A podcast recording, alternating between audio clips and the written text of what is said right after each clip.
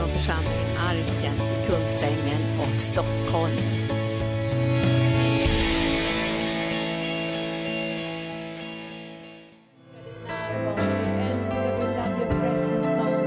We love your presence.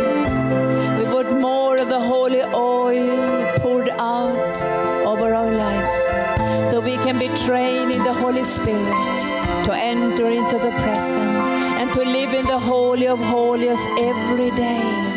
To hear the voice of Yeshua and be led by the Holy Spirit and all the nine gifts of the Spirit. So come, beautiful Holy Spirit, touch us, just touch us, just touch us. Take away all the fear, all loneliness, all the stress, all rejection, every sickness in the soul and body, rejection, all burned out symptoms. Come and touch today, Holy Spirit. Come and touch today. Let your presence enter into every body, into every soul, emotions, will life, thought lives. Come and touch, Holy Spirit. Resono anasi kotosaidia. Come, Holy Spirit. Reveal Jesus, the heart of Jesus, the voice of Jesus. Give the deep testimony who Jesus is because he revealed the Father. He revealed the heart of the Father.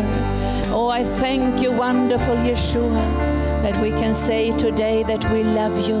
We lay down our lives, not only money, but time, education, everything that we have, we give to you. So you can use us now in the end time for your glory. In the name of Yeshua, in the name of Yeshua, in the name of Yeshua.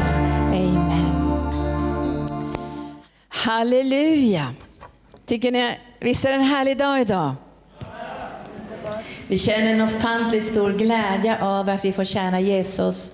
Och vi önskar inte bara gräva gropar så vi kan ta emot ekonomi, vi önskar också gräva gropar så att allt det Gud har lagt i våra liv, av grundgåvor och utbildning, vi ställer det till Herrens förfogande. Och all vår tid. För vi ska älska Herren med all vår kraft.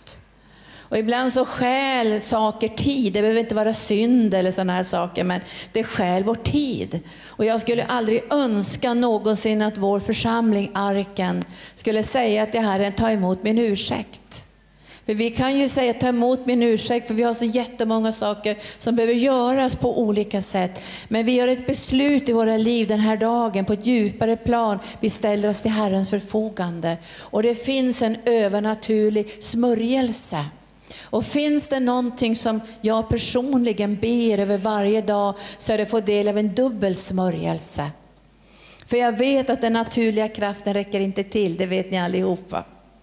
Vi behöver gå in i hans närvaro och lära oss att dricka från den heliga Ande så vi kan gå från kraft till kraft. Så vi kan gå från härlighet till härlighet, så vi kan gå från tro till tro. Och vi behöver veta här idag att kraften är i lerkärlen.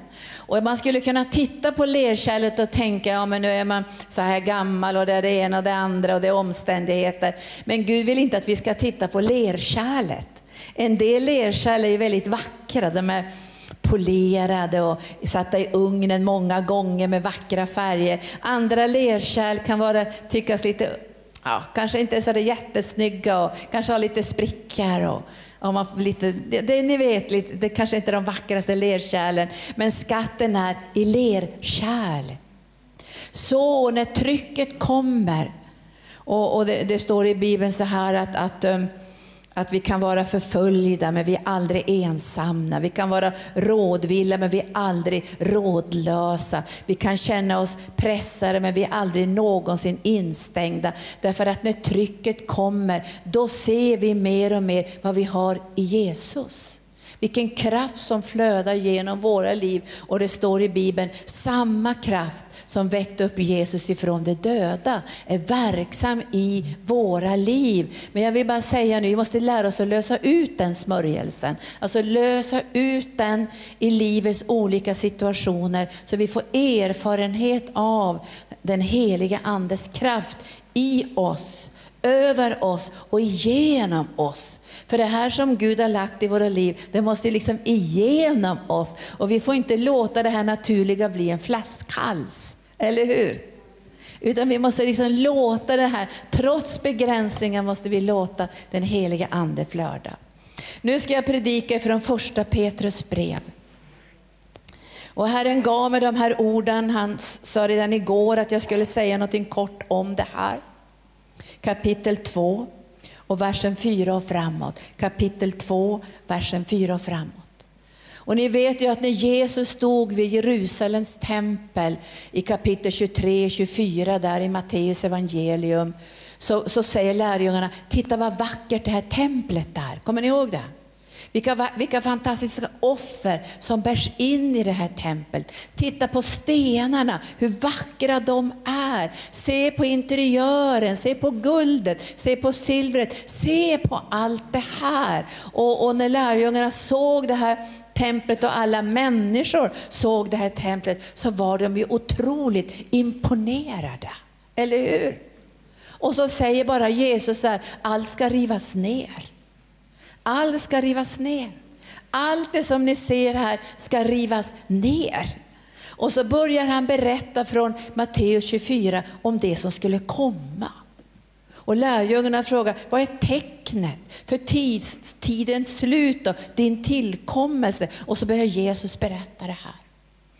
Och så när jag var inför Herrens ansikte så ville bara Gud säga, jag vill påminna er om att jag håller på att bygga någonting som är vackrare än det tempel som byggdes i Jerusalem.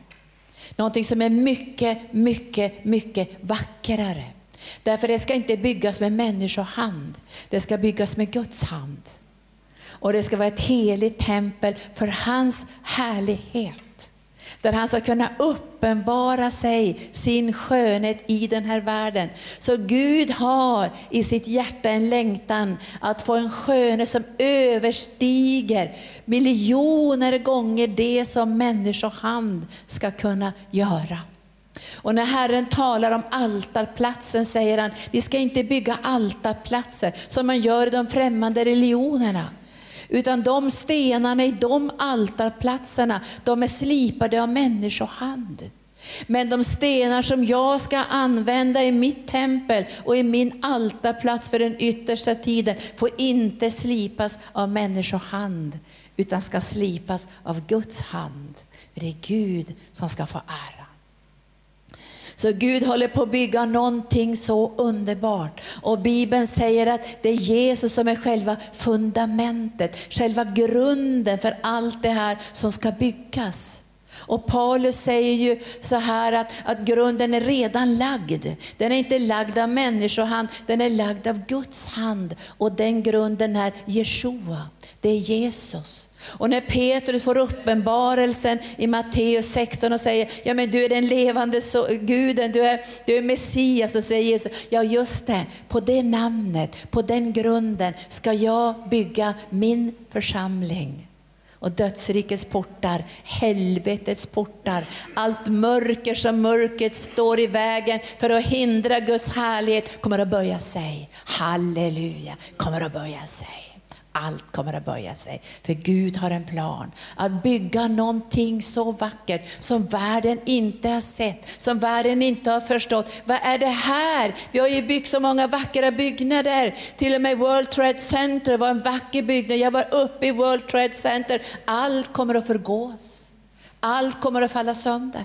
Allt som människor har byggt och allt som är skönt i världens ögon kommer att falla sönder. Men ett tempel kommer inte att falla sönder. Det som är byggt med Guds hand. Halleluja. Och vi kommer att få se det här.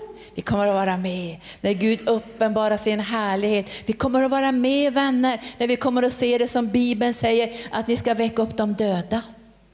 Vi kommer att se svårt psykiskt män, människor med svårt ska säga, psykiska sjukdomar bli omedelbart helade. Vi kommer att se de lama, de blinda, de döva. Vi kommer att se hur de får sin hörsel, hur de får sin syn. Därför Gud kommer att uppenbara sin härlighet i ett tempel som inte är byggt av människohand, utan är byggt av honom själv. Grundstenen, själva fundamentet är Jesus. Och därför kommer allting att skaka. Var inte rädd för skakningarna, allt kommer att skaka. Men Bibeln säger att allt kommer att skaka, men det som är byggt på klippan Jesus kommer att bestå. Stormar kan komma, vindar kan blåsa.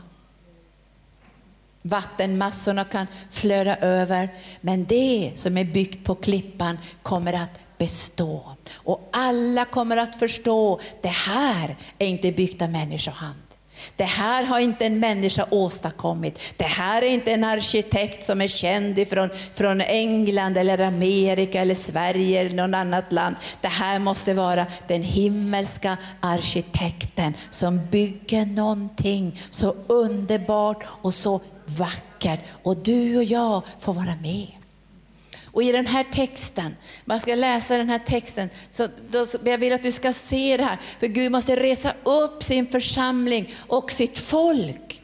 Gud tvingar inte sitt folk att byggas in i det här templet. Men han vädjar. Därför du är ett minitempel. Visste du det? Du är ett minitempel.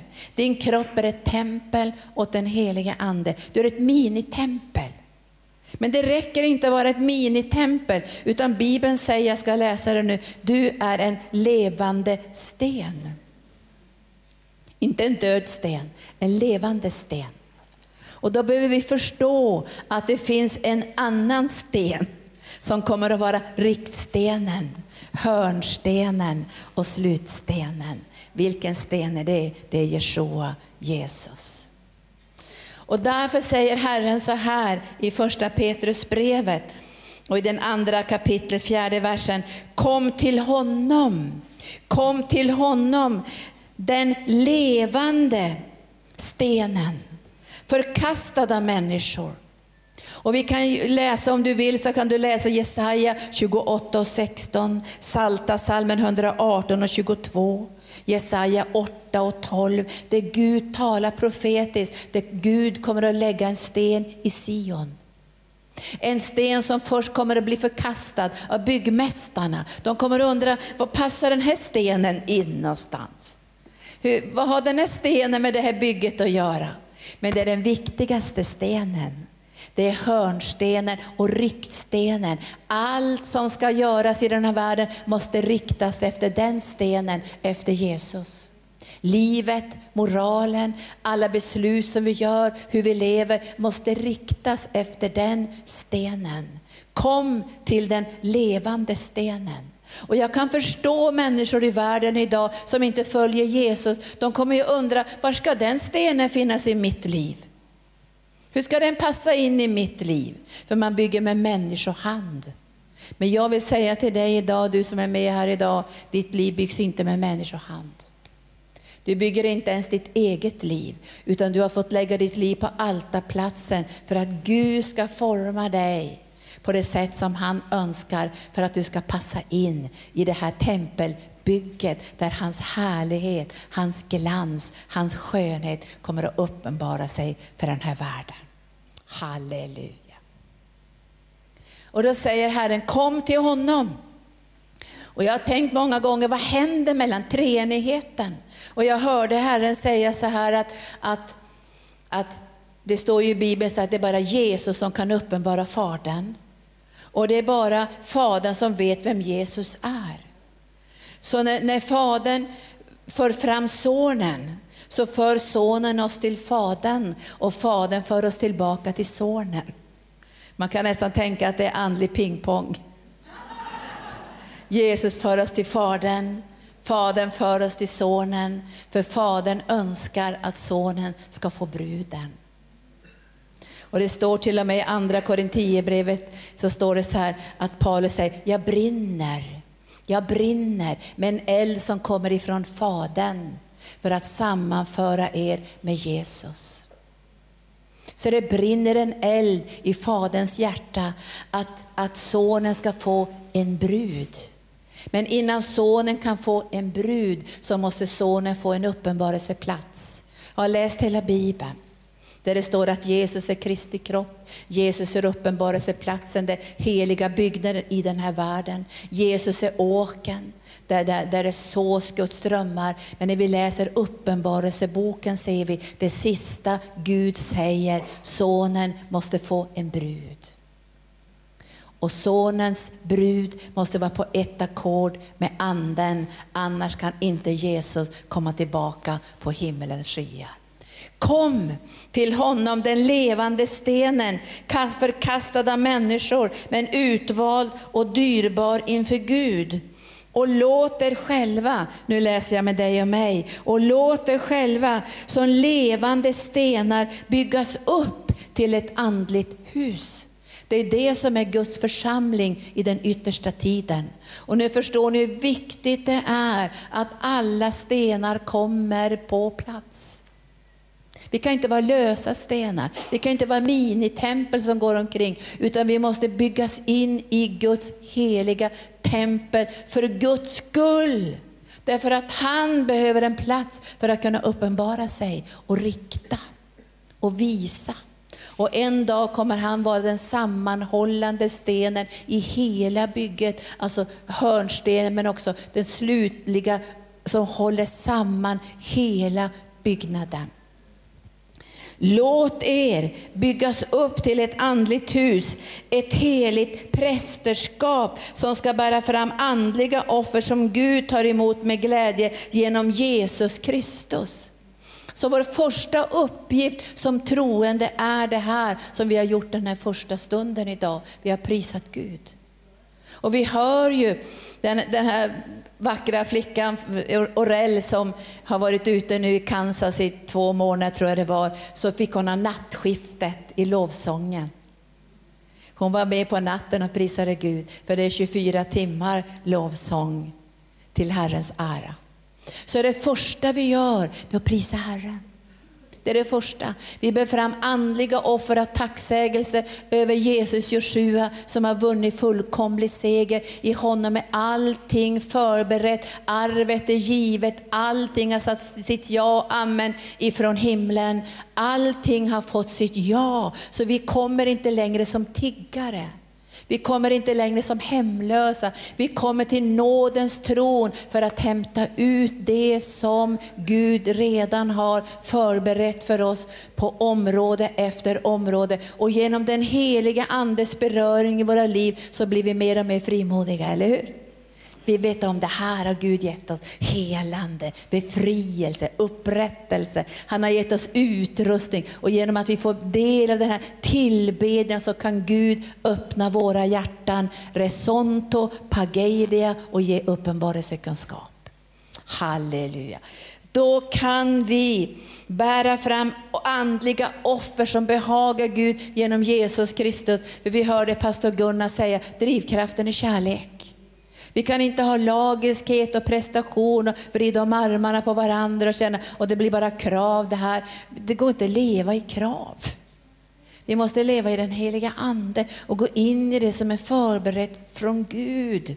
För annars kommer vi att stressa sönder våra liv och titta på våra naturliga resurser och jämföra oss med varandra. Vi måste gå in i den övernaturliga dimensionen i den heliga ande för att hämta styrkan ifrån Herren. Får jag ett amen? Visst är det så? Det är så, vi bara träder in där och så börjar anden att leda och uppenbara och ge oss det som vi ska ge. Och han är ju så radikal så han säger, ni ska inte ens tänka ut vad ni ska säga. Det är radikalt.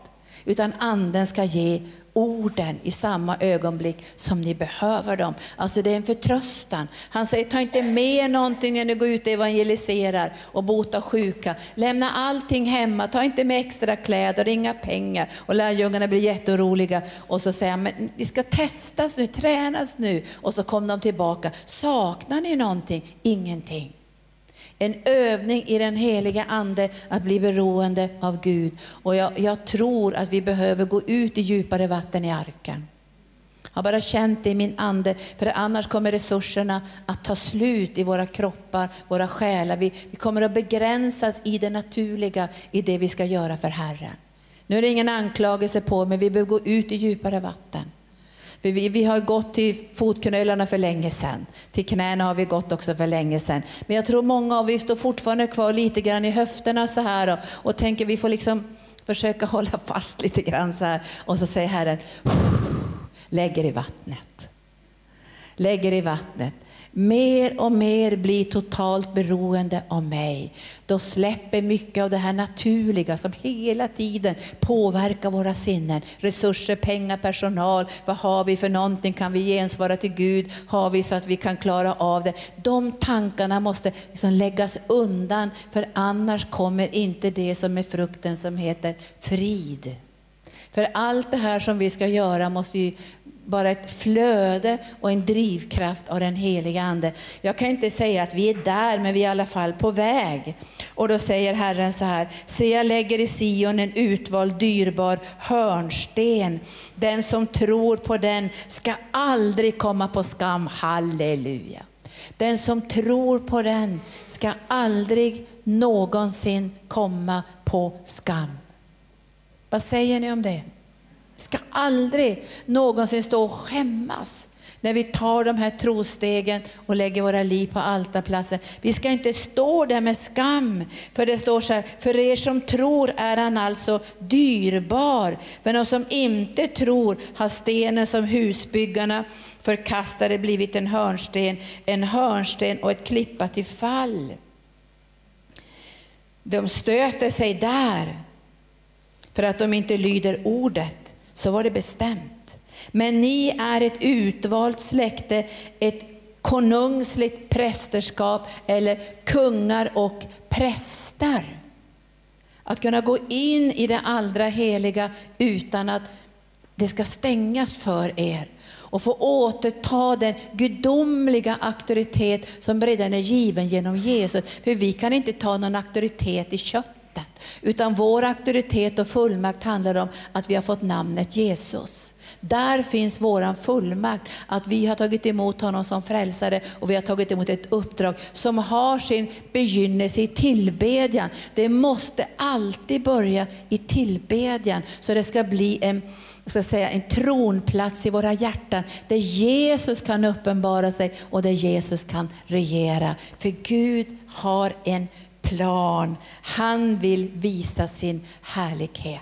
Och jag läser gamla testamentet gång på gång, för jag tycker om att läsa om, om, om Arons söner och ni vet allt det här om det äkta guldet och kavod och doxa och allt det som står i Bibeln. Och så säger Herren så här, jag vill uppenbara min härlighet för folket, men jag vill uppenbara min helighet på er. Därför vi som står honom nära vill han också uppenbara sin helighet, sin ljuvlighet, för att han sen ska kunna uppenbara sin härlighet för folken.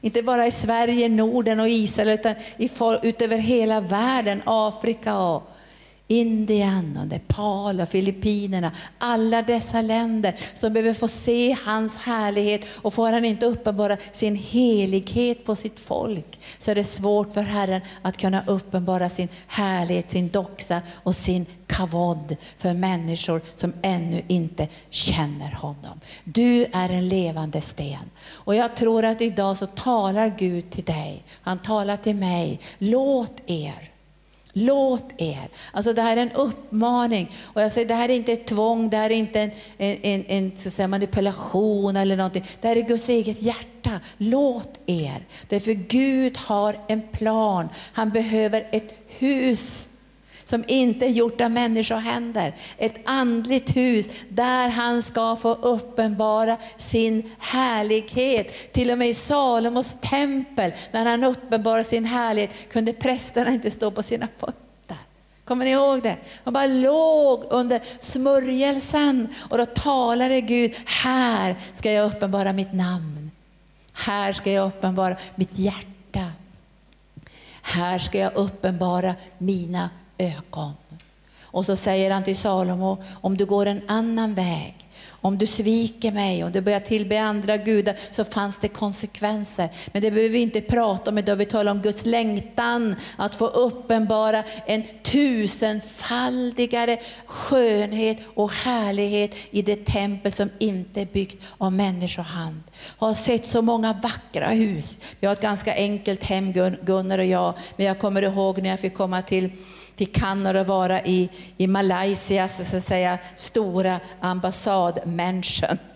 Alltså det var så vackert, det var så vackert. Och jag tänkte, här står jag, hade bara någon enkel kjol på mig och någon, jag visste inte att det skulle vara så vackert. Och det, det var gjort av människohand. Jag har nästan aldrig sett någonting så vackert som interiör. Och då hade ambassadören sagt till mig, Linda, så, du, ska, du ska inte känna dig sådär mindervärdig när du ser all den här skönheten. För jag vill att du ska profetera och sen ska du vittna om Jesus. Alla människor behöver se Guds härlighet. Och när jag stod där, det där otroligt vackert, de satt som på guldstolar. Jag tänkte i mitt hjärta så här, det här är bara vanliga människor som behöver Jesus. Och jag började flöda i den heliga ande och jag såg hur den kinesiska diplomaten såg lite sträng ut sådär.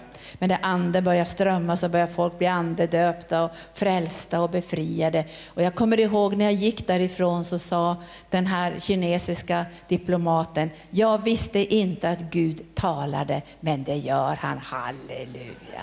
Gud talar. Halleluja! Och därför behöver Gud ett hus där han kan få tag på ett folk som kan profetera lägga sina händer på de sjuka, flöda i den heliga Ande, bereda en plats i den här världen så människor kan hitta hem. Var ska de gå någonstans? Bakom en sten? De måste hitta hem och det är därför som messianska församlingarna är så viktiga. Jag känner att jag kan lägga ner mitt liv för att de här messianska församlingarna ska få det de behöver. Så att när, när människor blir frälsta i miljoner nu i Israel så måste de hitta platsen. Var är Guds härlighet? Var finns Guds närvaro? Ja, men det finns i Ashkelon, det finns i, det finns i, i Arat, det finns i, det finns i Sedrot, det finns i Jerusalem, det finns i Tel Aviv, det finns i Netanya. Där finns Guds härlighet och människor kommer att komma i tusental för att få möta Jeshua, frälsaren. Och de kommer att falla ner på sina ansikten och säga, han är verkligen ibland er. Det här är inte människohand, det här är inte om man läst någon bok eller någon, någon, någonting från någon bra bok om hur man ska ha företagsarbete. Här är Guds härlighet.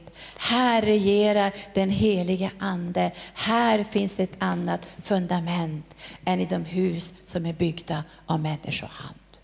Så nu ska vi be, vi ska be lovsångarna komma upp nu, ska, ska avsluta nu. Och vi ska göra, det kan hända att du har blivit slipad av människohand. Jag har blivit slipad av människohand. Jag tyckte det var svårt i skolgången när jag växte upp. För jag, jag hade svårt att lära mig, jag kunde inte läsa när jag gick i årskurs tre.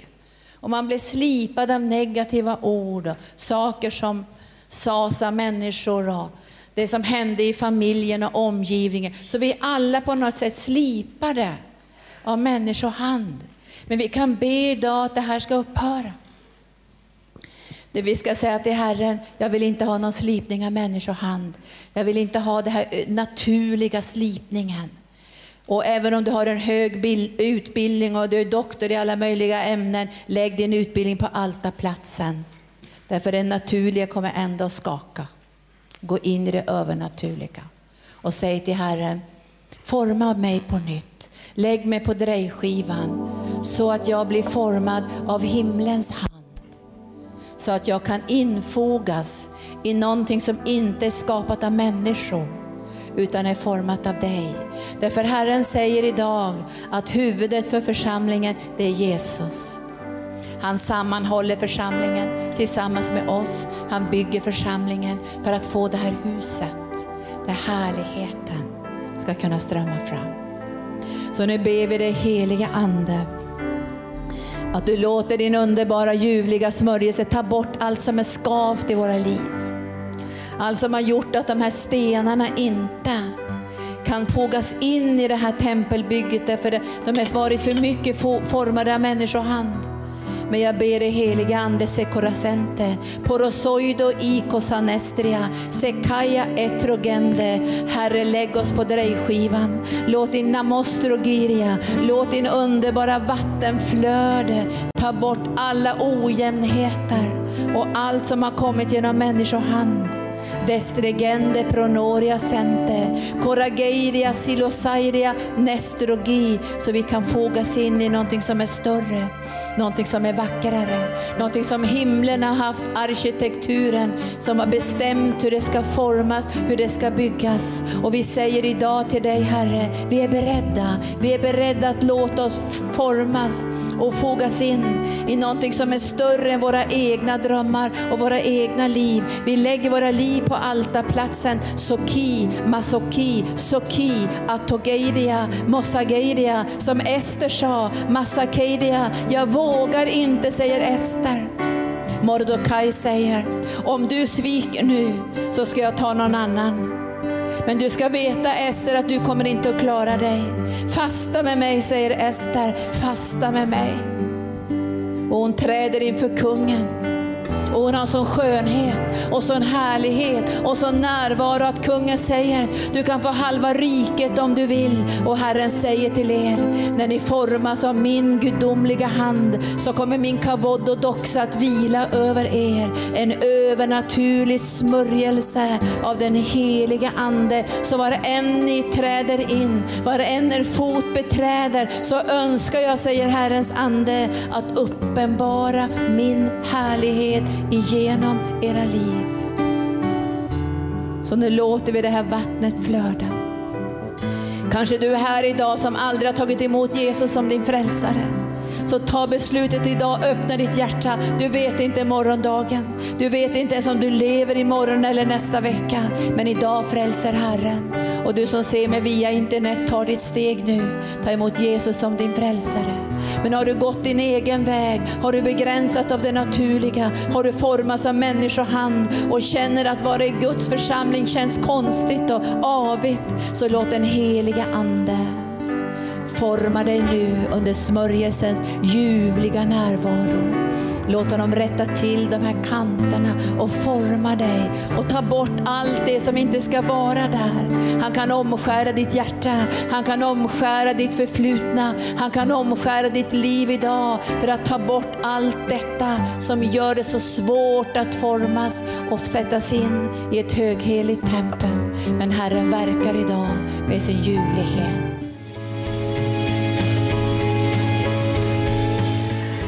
Att du har lyssnat. Vill du få del av mer information om församlingen Arken, vår helande tjänst, bibelskola och övriga arbete, gå in på www.arken.org.